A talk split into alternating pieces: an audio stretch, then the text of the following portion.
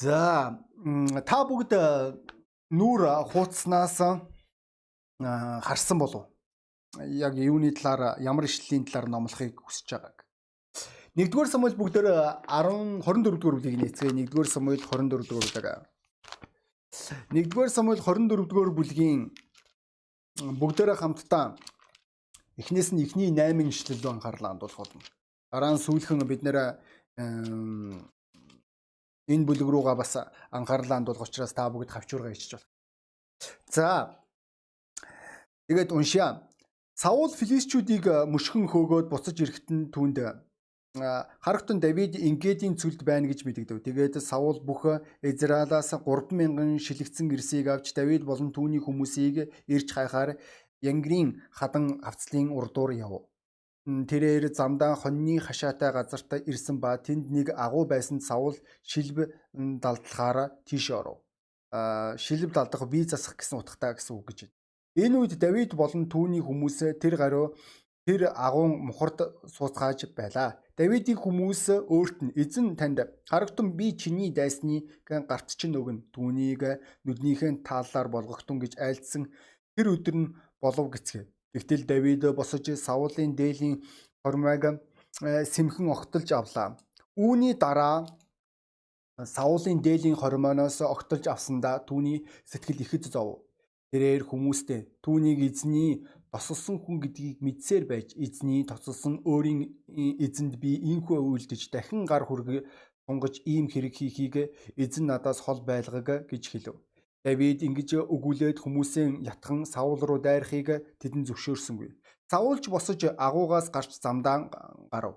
Үүний дараа Давид босож агуугаас гараад Саулын араас дуудан эзэн хаа минь гэв Саулыг эргэж харахад Давид нүрээрээ газар доош бүхий мөрөглөө гэж хэлж байгаа. За энэ ишлэл маань их сонирхолтой ишлэл гэдгийг та бүгд ойлгож байгаа бох тийм үү? Энд ч бид нэр өөрийн дайсан буюу өөрийн бүр амар заяаг нь үзүүлэхгүй байгаад байгаа байнгын араас нь хөөцөлдөж байгаа гүтгэж байгаа түүнийг хардалтаасаа болж атаархлаасаа болж үгүй ихийг хүсэж байгаа нэгэн тэрээр түүнийг алах боломж энэ Давидын өмнө олдож байгаа.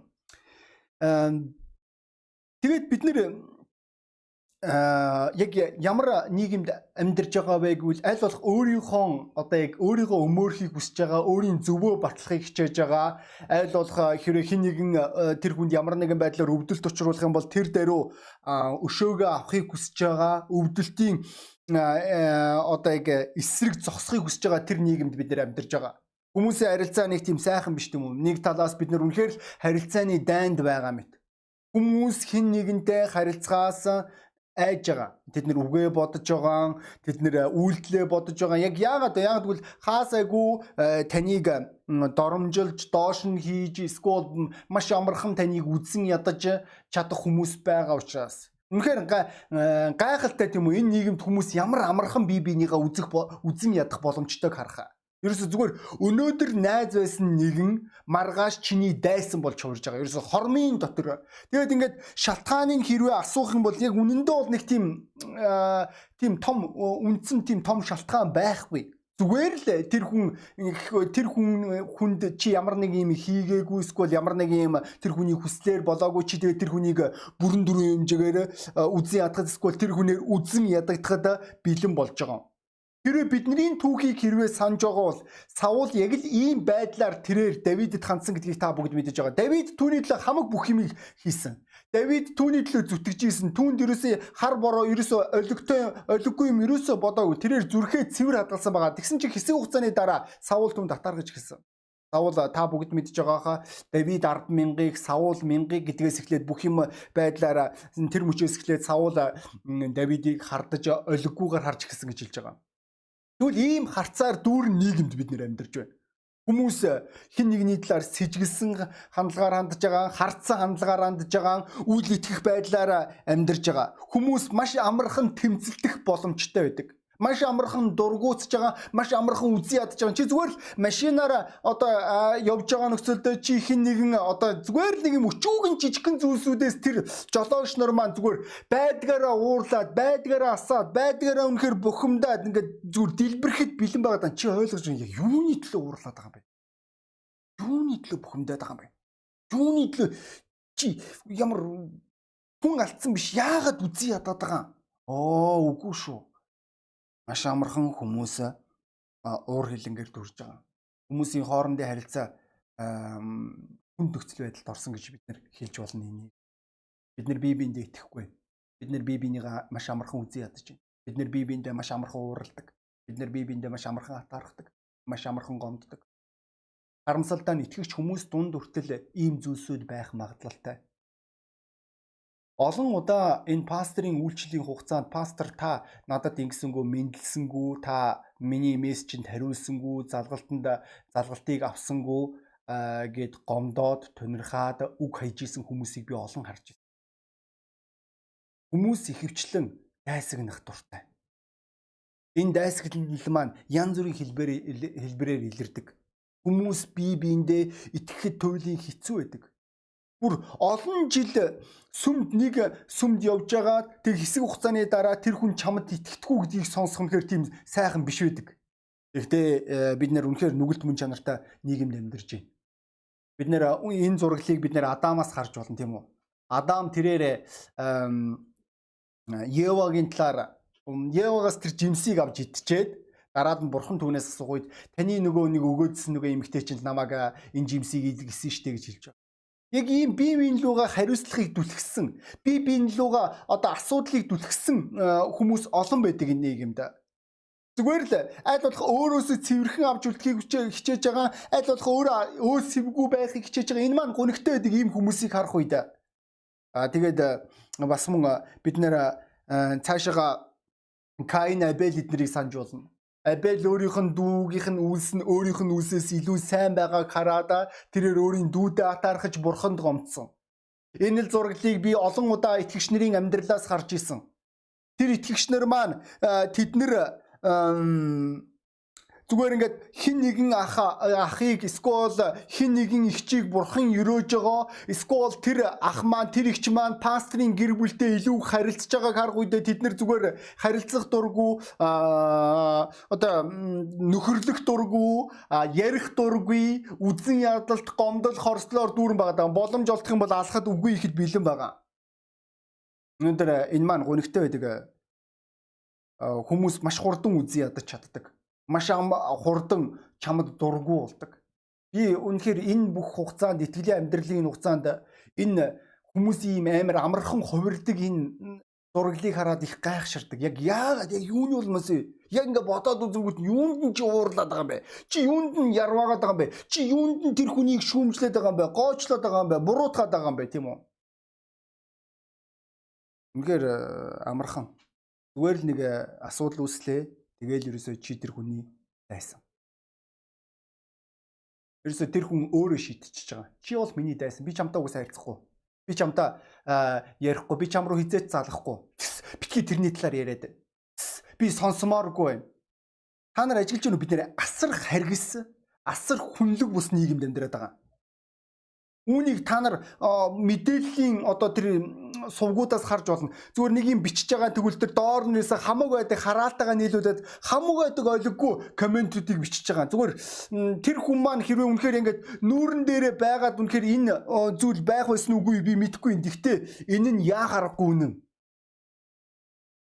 Тэр хүмүүс маань намайг маш амархан үзий хатгад байлаа.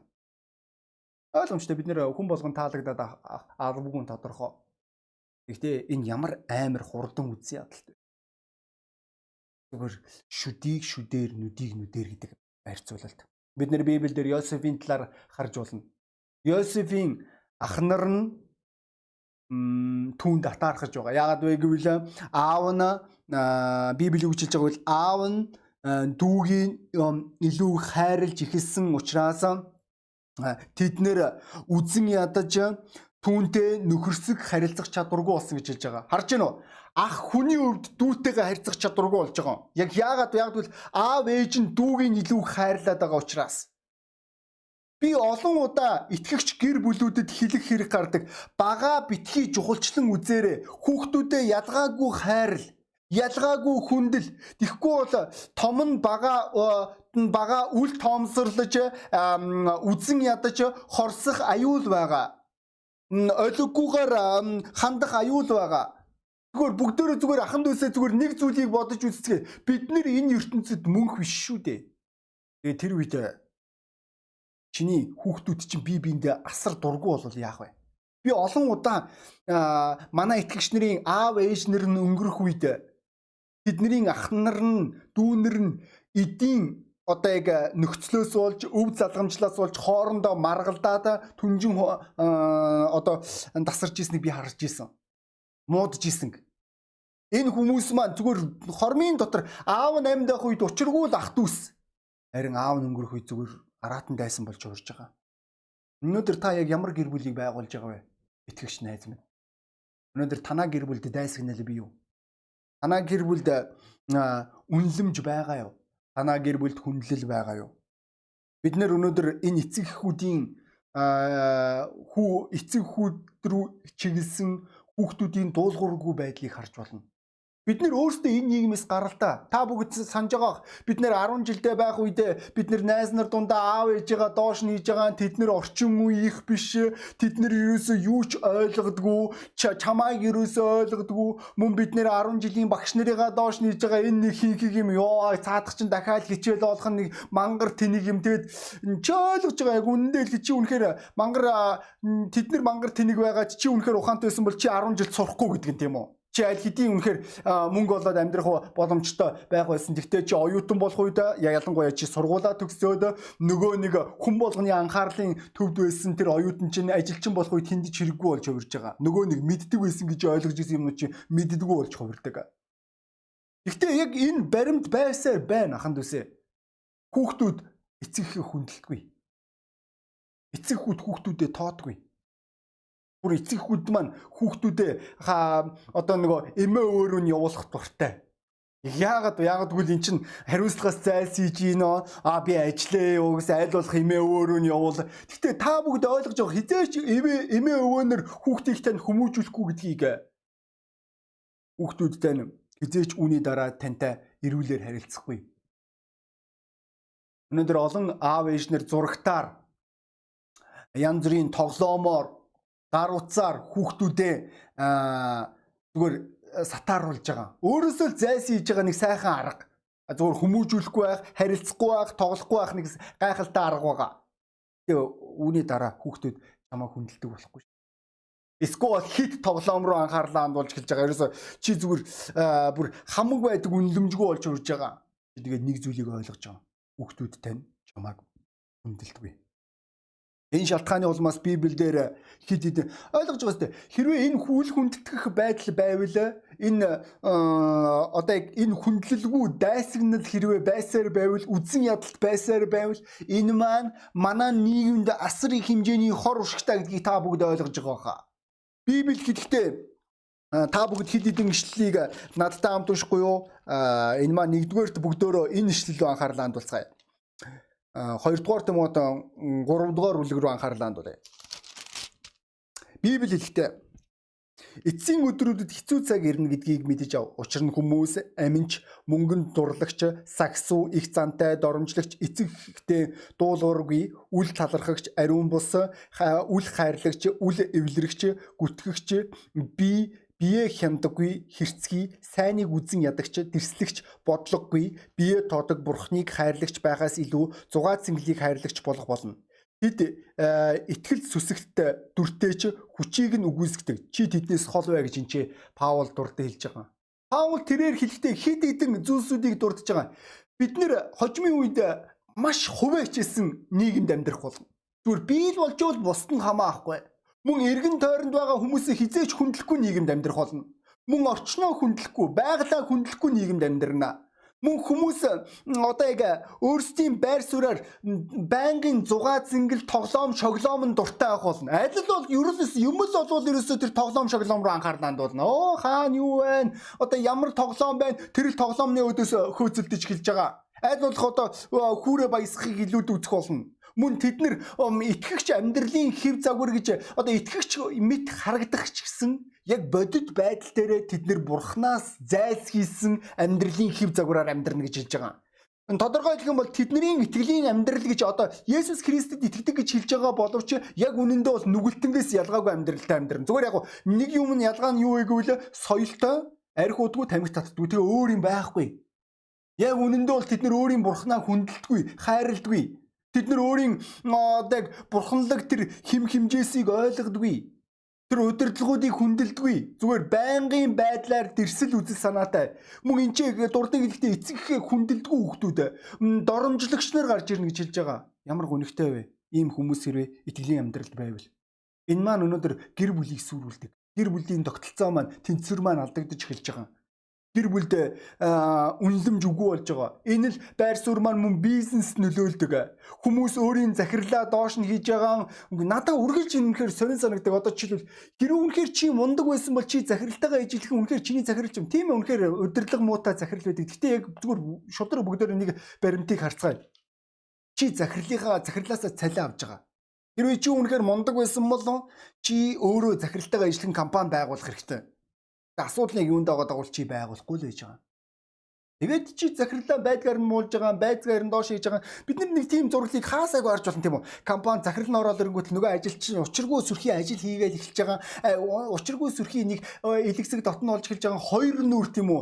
Хүн ялгах үзэл маань үнэхээр эн чинь зүгээр тамтаггүй болж хувирж байгаа. Тэгвэл энэ маань бизнест хорох шиг учруулж.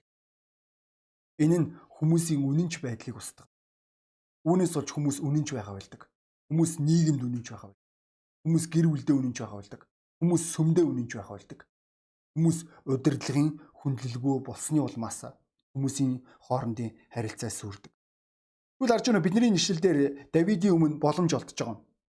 Давид зүгээр л хөнгөн Саулыг алчиж болохоос бүр хамт байсан хүмүүс нь үртэл хэлж байгаа.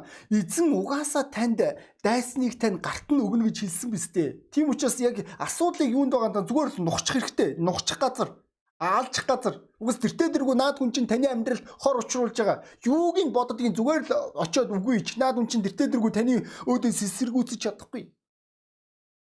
Тэгвэл Давид тэхгүй байгаа. Яг яагаад вэ? Яагаад гэвэл Давид Бурхны үгийг мэдчихсэн. Давид хуулийг мэдчихсэн байна. Давид Бурхны хандлагыг мэдчихсэн. Тийм л учраас Давидыг Бурхны найз гэж хэлсэн болов. Яг яагаад яагаад гэвэл тэр хамгийн сайн найзаа мэддэгтэй ижилхэн тэрээр Бурхны мөн чанарыг ойлгож исэн. Ийм байдлаар тэрээр хизээч амжилт олохгүй гэдгээ маш сайн ойлгож исэн байгаа. Энэ шалтгааны улмаас Ромын загтал дээр Паул тэрээр хэлэхдээ Ромын загтлын 12 дугаар бүлгийг би та бүгдэд маш хурдан уншиж өгье. 17-оос эхлээд хинд ч хизээч мууг муугаар бүх хариул бүх хүний өмнө юун зөв болохыг л харгалзаж үзэж бай. Та нарын зүгээс боломж байгаа бол бүх хүнтэй эвтэй байх тун хайртууд минь хизээч өөрийн өшөө онцонгоо бүү ав. Харин бурхны уур хилэнд зай гарга. Учир нь өшөө авалт нь минийх би буцааж төлнө гэж эзэн хэлв гэж бичигджээ. Дайсан чинь өссөн бол хоолол. Цангасан бол түүнийг ундаад. Ингэснээр чи түүний толгой дээр галтай нүрс овоолж байгаа хэрэг. Мууд мууд бүү дийлд мууг сайнаар дийлээ гэж хэлж байгаа. Энд чи э, Паул тэрээр хэлэхдээ хизээч өнөөдөр боломжтой бол өөрийн зүгээс эвтэй бай.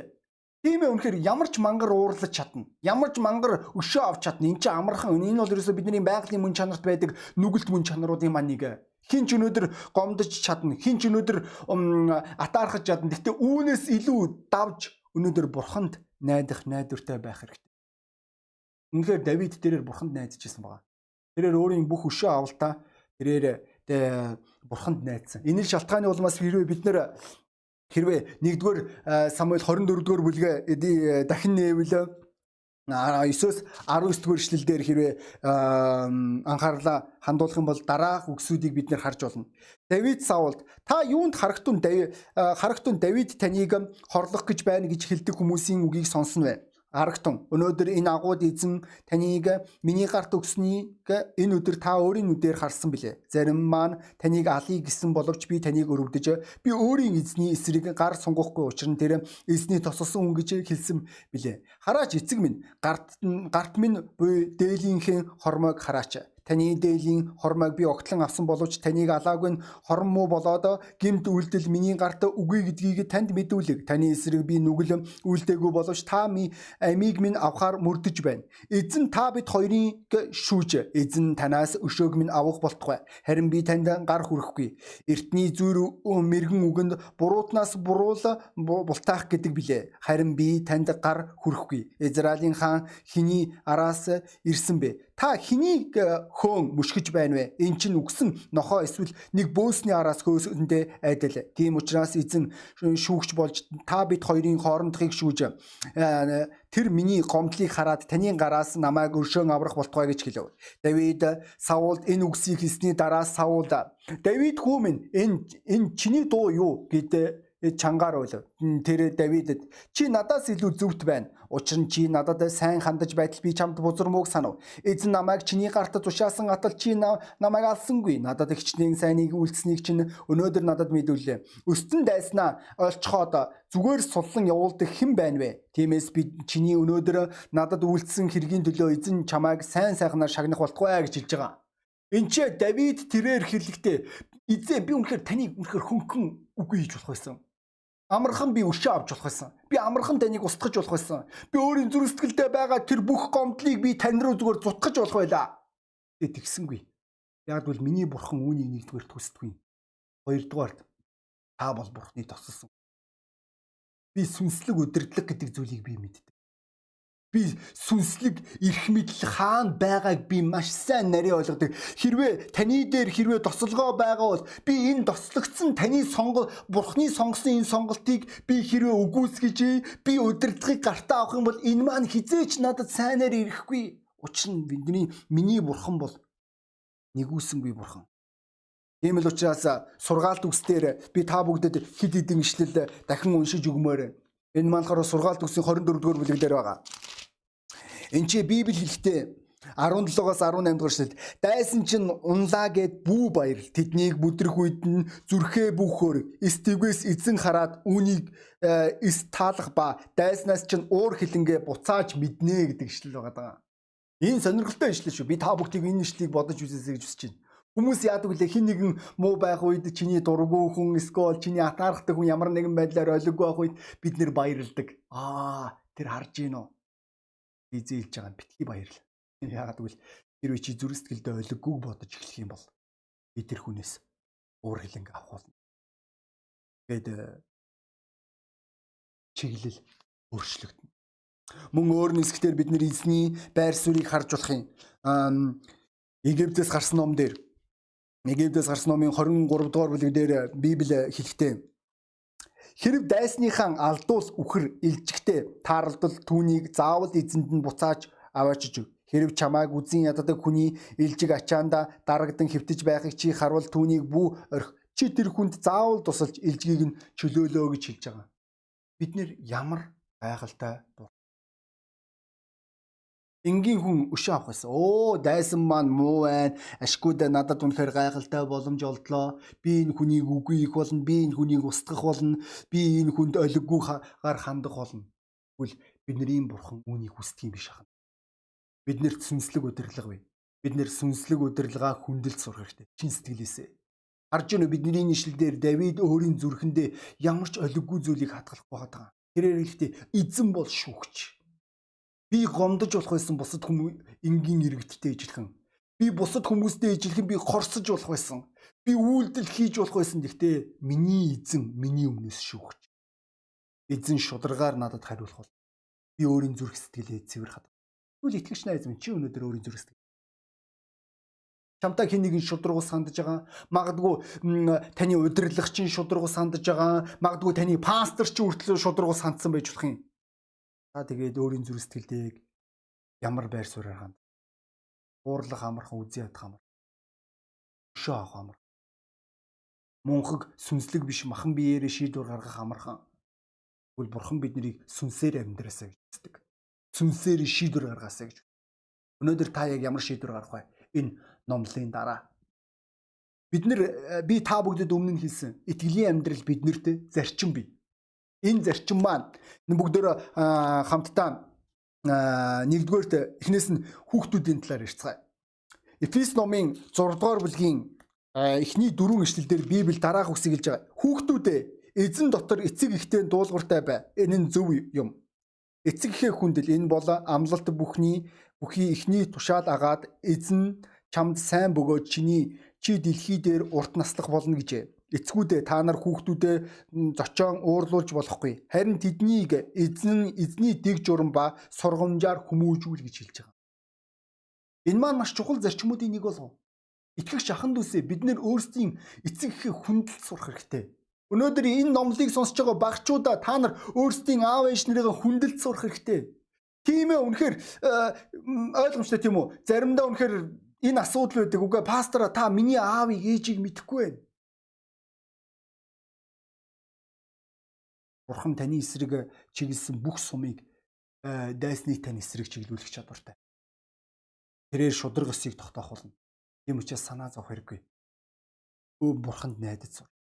Мууг муугаар битгий хариул. Энэ маань чухал болов. Өнөөдөр ямар ч хайрлагч эцэг хүүхэддээ муу хүсэхгүй.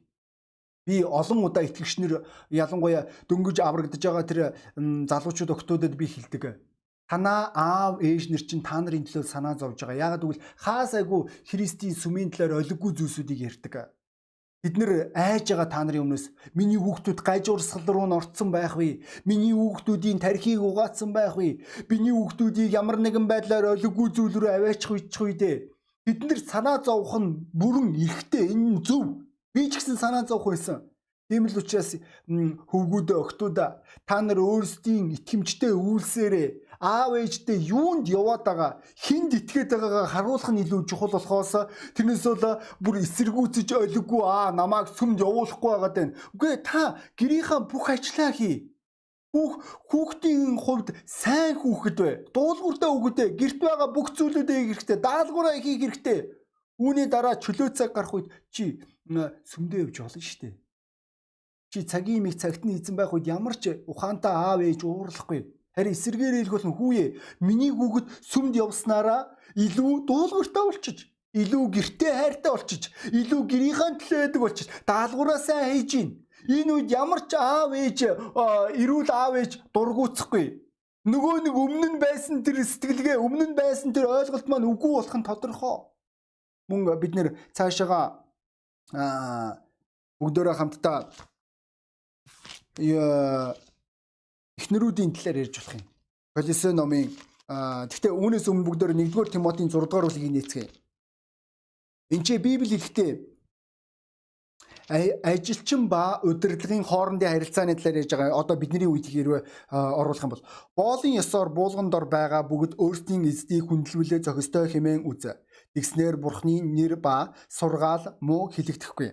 Итгэгч эзэнтэй боолууд нь эзнийгэн ах トゥ у хэмээн хүндлэхгүй байж болохгүй. Харин ч бүр илүү үйлчил. Яагаад гэвэл үр ашгийг нь хүртэгчд нь хайрлагсад ба итгэгчд шүү дээ. Аа эдгэрийг за синхрүүл гэж хэлж байгаа. Өнөөдөр итгэгч найз минь та өөрийн удирдлагадаа, өөрийн захиралдаа маш сайн өөрийн компанида үнэнч байх хэрэгтэй өөрийн захирлынхаа талаар ойлгогүй зүйлсүүдийг ярих хэрэггүй. Та өнөөдөр ойлгох хэрэгтэй болов. Та үнэхээр мундаг байсан бол та эцэж ажилтан байхгүй гэдгээ наад зах нь бүр адгийнаар хэлэхэд мөн бид нэр Титийн загтлаас дараах ишлийг уншиж болох юм. 2:9 дээр Боолууд альваа зүйлд эзэндээ захирагдан таалалд нь нийзүүлж зөрж эсэргүүцэлгүй шамгидуулалгүй харин алив сайн итгэлийг харуулах учиртай Тэгвэл хүмүүс бидний аврагч бурхны сургаалыг бүх талаар хүндлэг хүндлээ хүндэлнэ гэж хэлж байгаа. Өнөөдөр та өөрийн компанида ямар нэгэн байдлаар э, шамшигдах хэрэггүй гэсэн үг. Ямар нэг юм хусах хэрэггүй гэсэн үг энгийнээр хэлэх юм бол та өөрийн компанида үнэнч байх хэрэгтэй. Та өөрийн э, ажлаа сайн хийх хэрэгтэй. Цагт нь, цаг нарт нь бүх зүйлээ гүйцэтгэх хэрэгтэй. Үүний дараа хинч таны эсрэг олиггүй зүйл хий. Паул хэлж байгаа. Давид чиний зөв. Чи надаас илүү зөв байл. Давид эмоцтой баригдаагүй. Давид миний зөв гэж дайраагүй. Давид тэрээр а өөрийн зүрх сэтгэлээ зөв хадгалсан. Тэрээр зөв сүнсээр тэр хүндлэлтэйгээр хандсан байна. Мөн эцэст нь бид нэр эхнэр нөхрийн хоорондын харилцааг харж болно. Библи хэлдэг эхнэрүүдээ эзэнд дуулууртай байдгийн дагуу мөн нөхөрдөө захирал гэж хэлж байгаа. За энэ ишлийг би уншия. Тэгэхгүй бол болохгүй бах тийм үү? 18-аас 19 Колосе номын 3-ын Эхнэрүүдээ эзэнд нийцүүлж нийцүүлж нөхөрдөө захирагдах тун нөхрүүдээ эхнэрээ хайрлах тун тэдэнд бүү хатуурхаа гэж нийслэл байна. Энэ хоёр ишлийг би хоёр жингийн авсан байгаа. Яг яагаад вэ? Яагадгүй энэ маань гэр бүлд байх ёстой эрүүл хандлагуудын нэг учраас. Өнөөдөр энэ хандлага өнөөдөр ахан дүүсээ альва гэр бүлийг ад жаргалтай байлгаад. Бүх зүйл хүндлэлд оршиж байгаа гэдгийг ахан дүүсээ бид нэр мартах ёсгүй болов. Өнөөдөр тэгвэл энэ орой таны шийдвэрийг бүгдөө толгоогоо далгаад нүдэн анцгай. Хэн нэгэн өнөөдрийн номлын үеэр шийдвэр гаргах хэрэгтэй гэж болох юм. Хэн нэгэн өөрийн сүнслэг удирдлагадаа хандах хандлага, өөрийн зүрх сэтгэлээ засах хэрэгтэй. Өөрийн зүрх сэтгэлээ бурхны өмнө илэн далангуй байлгах хэрэгтэй. Магадгүй таны итгэлийн амьдралд энэ тогтолцоо, энэ тэнцвэр алдагдсан байж болох юм. Та маа таны зүрх сэтгэл гомдол, хорсол, үзэн ядалт, атаархлаар дүүрсэн Таны зүрх сэтгэл эзний оршихугаар дүрч чадаагүй. Та үгийн дагуу амьдрахаа болсон. Тэгвэл тэр хүн гимшээсэ гэж хүсэж байна. Өөрийн зүрх сэтгэлээ цэвэрлээсэ гэж хүсэж байна. Бидний итгэлийн амьдралд альва зүйл дээр тэнцвэр байгаа. Үүнийг нэг талаас мөн имэх журамч гэж хэлж болох юм. Тэгээд энэ тогтолцоог бид нэр алдах үед бид нэр ах захаа алдах тэр мөчөд бид нэр хүндлэлээ алдах үед харж гинүү Давид нөхцөлгүйгээр хүндэлсэн Түүнд үнэндээ хэлэхэд яг энгийнээр харах юм бол ямар ч ашиггүй байсан байгаа. Хажууд байгаа хүмүүс нь гайхаж хэлж байгаа. Үгүй Давид алчих газар чи яагаад чи ингээд тэр хүнийг өршөөнө вэ? Дараа ийм боломж олдох ч үгүй мэдэхгүй юм. Үгүй Давид хэлж байгаа үгүй. Эзэн бол шүгч. Тийм үнэхээр хүмүүс надтай ойлггүй хандаж байна. Хүмүүс надад муу хандах магадлалтай. Бүр магадгүй миний удирдлага хүртэл намайг ойлгохгүй гэж болох юм. Тэглээгээд өнөөдөр бурхан бүх зүйлийг сайнаар ирэх бол итгэж. Тэгвэл өнөөдөр итгэж найз минь чи Өнөөдөр чи итгэсэн хിവэрэ байгаа юу? Эсвэл чи үргэлжлүүлэн гомдолсоор, үргэлжлүүлэн олиг эсэргүүцсээр, үргэлжлүүлэн дуулуургүй зан гаргасаар, үргэлжлүүлэн атаархсаар, үргэлжлүүлэн өшөрхсөөр, үргэлжлүүлэн өөрийн оюун бодлоо олиггүй зүйлсүүдээр дүүргсээр байгаа юу? Би өнөөдөр таныг зүрх сэтгэлээ цэвэрлээсэй гэж хүсэж байна. Би таныг өөрийн зүрх сэтгэлээ Бурхны өмнө ил тод болгоосоо гэж хүсэж байна. Бурхан шүүгч байг ахан дүүсээ. Бурхан бол шудраг шүгч. Тэрээр хариу өгөх болно. Тэгэд магадгүй өнөөдөр та энэ номлыг анх удаа сонсч иж болох юм. Найз минь чамд аврал хэрэгтэй. Учир нь чи үхлийн дараа чамааг юу хүлээж байгааг мэдэхгүй. Тэгвэл би чамд хэлье. Нүгэлт хүн болгоныг үхлийн дараа там хүлээж байгаа. Учир нь бид нэр энэ амьдрал дээр ямар нэгэн буруу юм их үед бид нэр шийтгэл авдаг. Бид нэр энэ шийтгэлийн янз бүрийн загваруудыг харахаас гадна эцсийн загвар маань шорон руу чиглэж байгаа тэр хүмүүсийг харж болно. Эсвэл цаазын давтан руу очиж байгаа хүмүүсийг ч бид нэр харж иж болох юм. Энэ тогтолцоо маань өнөөдөр сүнслэг ертөнцид ялгаагүй. Нүгэлт хүн болгон үхлийн дараа там руу явах болно. Энэ бол тэдний шийтгэл. Учир нь бурхан шудраг учраас. Бурхан шударгаар ханд болгоно, ханд болно. Хүн юу тарин түүнийгээ хураана. Тэгвэл мөн бурхан шудраг бурхан маань мөн хайрлагч бурхан гэдгийг би танд хэлмээр байна. Бурхан энэ бүх зүйлийг мэдэж байгаа. Тийм л учраас тэрээр өөрийн цорын ганц хүүгээ бидний нүглийн төлөөсийн төлөө загалмаа дээр цовдлсон. Есүс Христийг тэрээр өгж байгаа. Өөрийн цорын ганц хайрлагч хүүгээ. Яг л бурхан танд хайртай учраас. Таныг нүглийн буулган дор байгаасаа гэж хүсэхгүй байгаа. Тэгвэл энэ өрөө та бүх юмыг өөрчлөх боломжтой. Эвлэрэх боломжтой. Та бурхны дайсан биш. Харин найз мөн бурхан танд туслах болно. Энэ зүйл таны амьдралд байхын тулд тань энгийн гимшлийн залбирал хэрэгтэй. Та үнийг хүсэж байгаа бол та надтай хамтд аваад. Миний Есүс Христ миний нүглийн төлөөсийн төлөө үхсэн гэж хэллээ. Би үүнд итгэж. Энэ хайранд баяр. Та миний нүглийг уучлаа. Та миний амьдрал Энийг таньж мэдэх боломжийг надад таны дайсан байна. Мөн миний амьдрал дах нүгэл миний амьдралыг сүрүүлээ. Энэ орой. Миний уучлалт байна. Зинээр. Хэрвээ та чин сэтгэлээсээ залбирсан бол Бурхан таны нүглийг аваад чинь тэр хизээч дурсан. Та өнөөдөр шинэ хуудаснаас амьдрал энэ болов. Та Бурханыг илүү их таньж мэдэх бол. Би таныг үүнийг хийгээс. Та бид нартай холбоо барьж байна. Та варшны гэрт амарл. Тэгээ би дуудлага өөрчлөе. Магадгүй энэ үед та залбирж байгаа. Магадгүй та зөвхөрсөн байж болох юм. Ягдвал энэ асуудлууд таны амьдралд ээлж дараалан байсаар байгаа учраас та маш амархан хүнийг үзэн ядж байгаа. Маш амархан хүнд дургу болж байгаа. Маш амархан хүнд атаархаж байгаа. Би тэгээ тэр хүмүүсрөө хандан хэлмээр байна. Бурхан бол өөрчлөгч бурхан. Бурхан бол эдгэгч нэг. Та хэрэг үүнийг хүсэж байгаа бол та надтай хамт залбирахгүй юу? Та тэгээ дагаад хэлэхгүй юу? Бурхан минь ээ Та бол миний бурхан. Би таны бүтээлүүдийн эсрэг олиггүй зүйлийг одоо хүртэл хадгалсаар байна. Та миний зүрх сэтгэлийг цэвэрлээч. Миний нүглийг уучлаач. Миний оюун бодлыг шинчлээч. Таны хайраар, таны өршөөлөөр бусдад хандахт минь надад туслаач. Би маш амархан бусдын эсрэг олиггүйг бодож байна. Үүндээ гимшиж байна эзэн минь. Таны үгийн дагуу алхам хийж танд найдаж амьдрч сурахт минь надад тусална уу? Есүс Христийн нэрээр таны уучлал, таны чөлөөлөл талархж байна. Амен. Бурхан танд туслаг. Бурхан бол чөлөөлөгч. Бид нэр зүрх сэтгэлээ цэвэр хадгалж амьдрах маш чухал. Тэгээд энэ номлолын төгсгөлд бүгдээрээ хамтдаа эрт 7 хоногийн төлөө хамт залбирцгаая. Тэнгэрлэг эцэг минь Эх 7 хоногийн минь тай байна уу? Таны авралыг, таны гайхамшгийг, таны өрөөлийг өөрсдийн амьдралдаа харахад нь туслаач. А бид нарыг хамгаалаач. Христийн нэр. Амен. Ахын дэс анхаарал хандуус үзүүмөр бол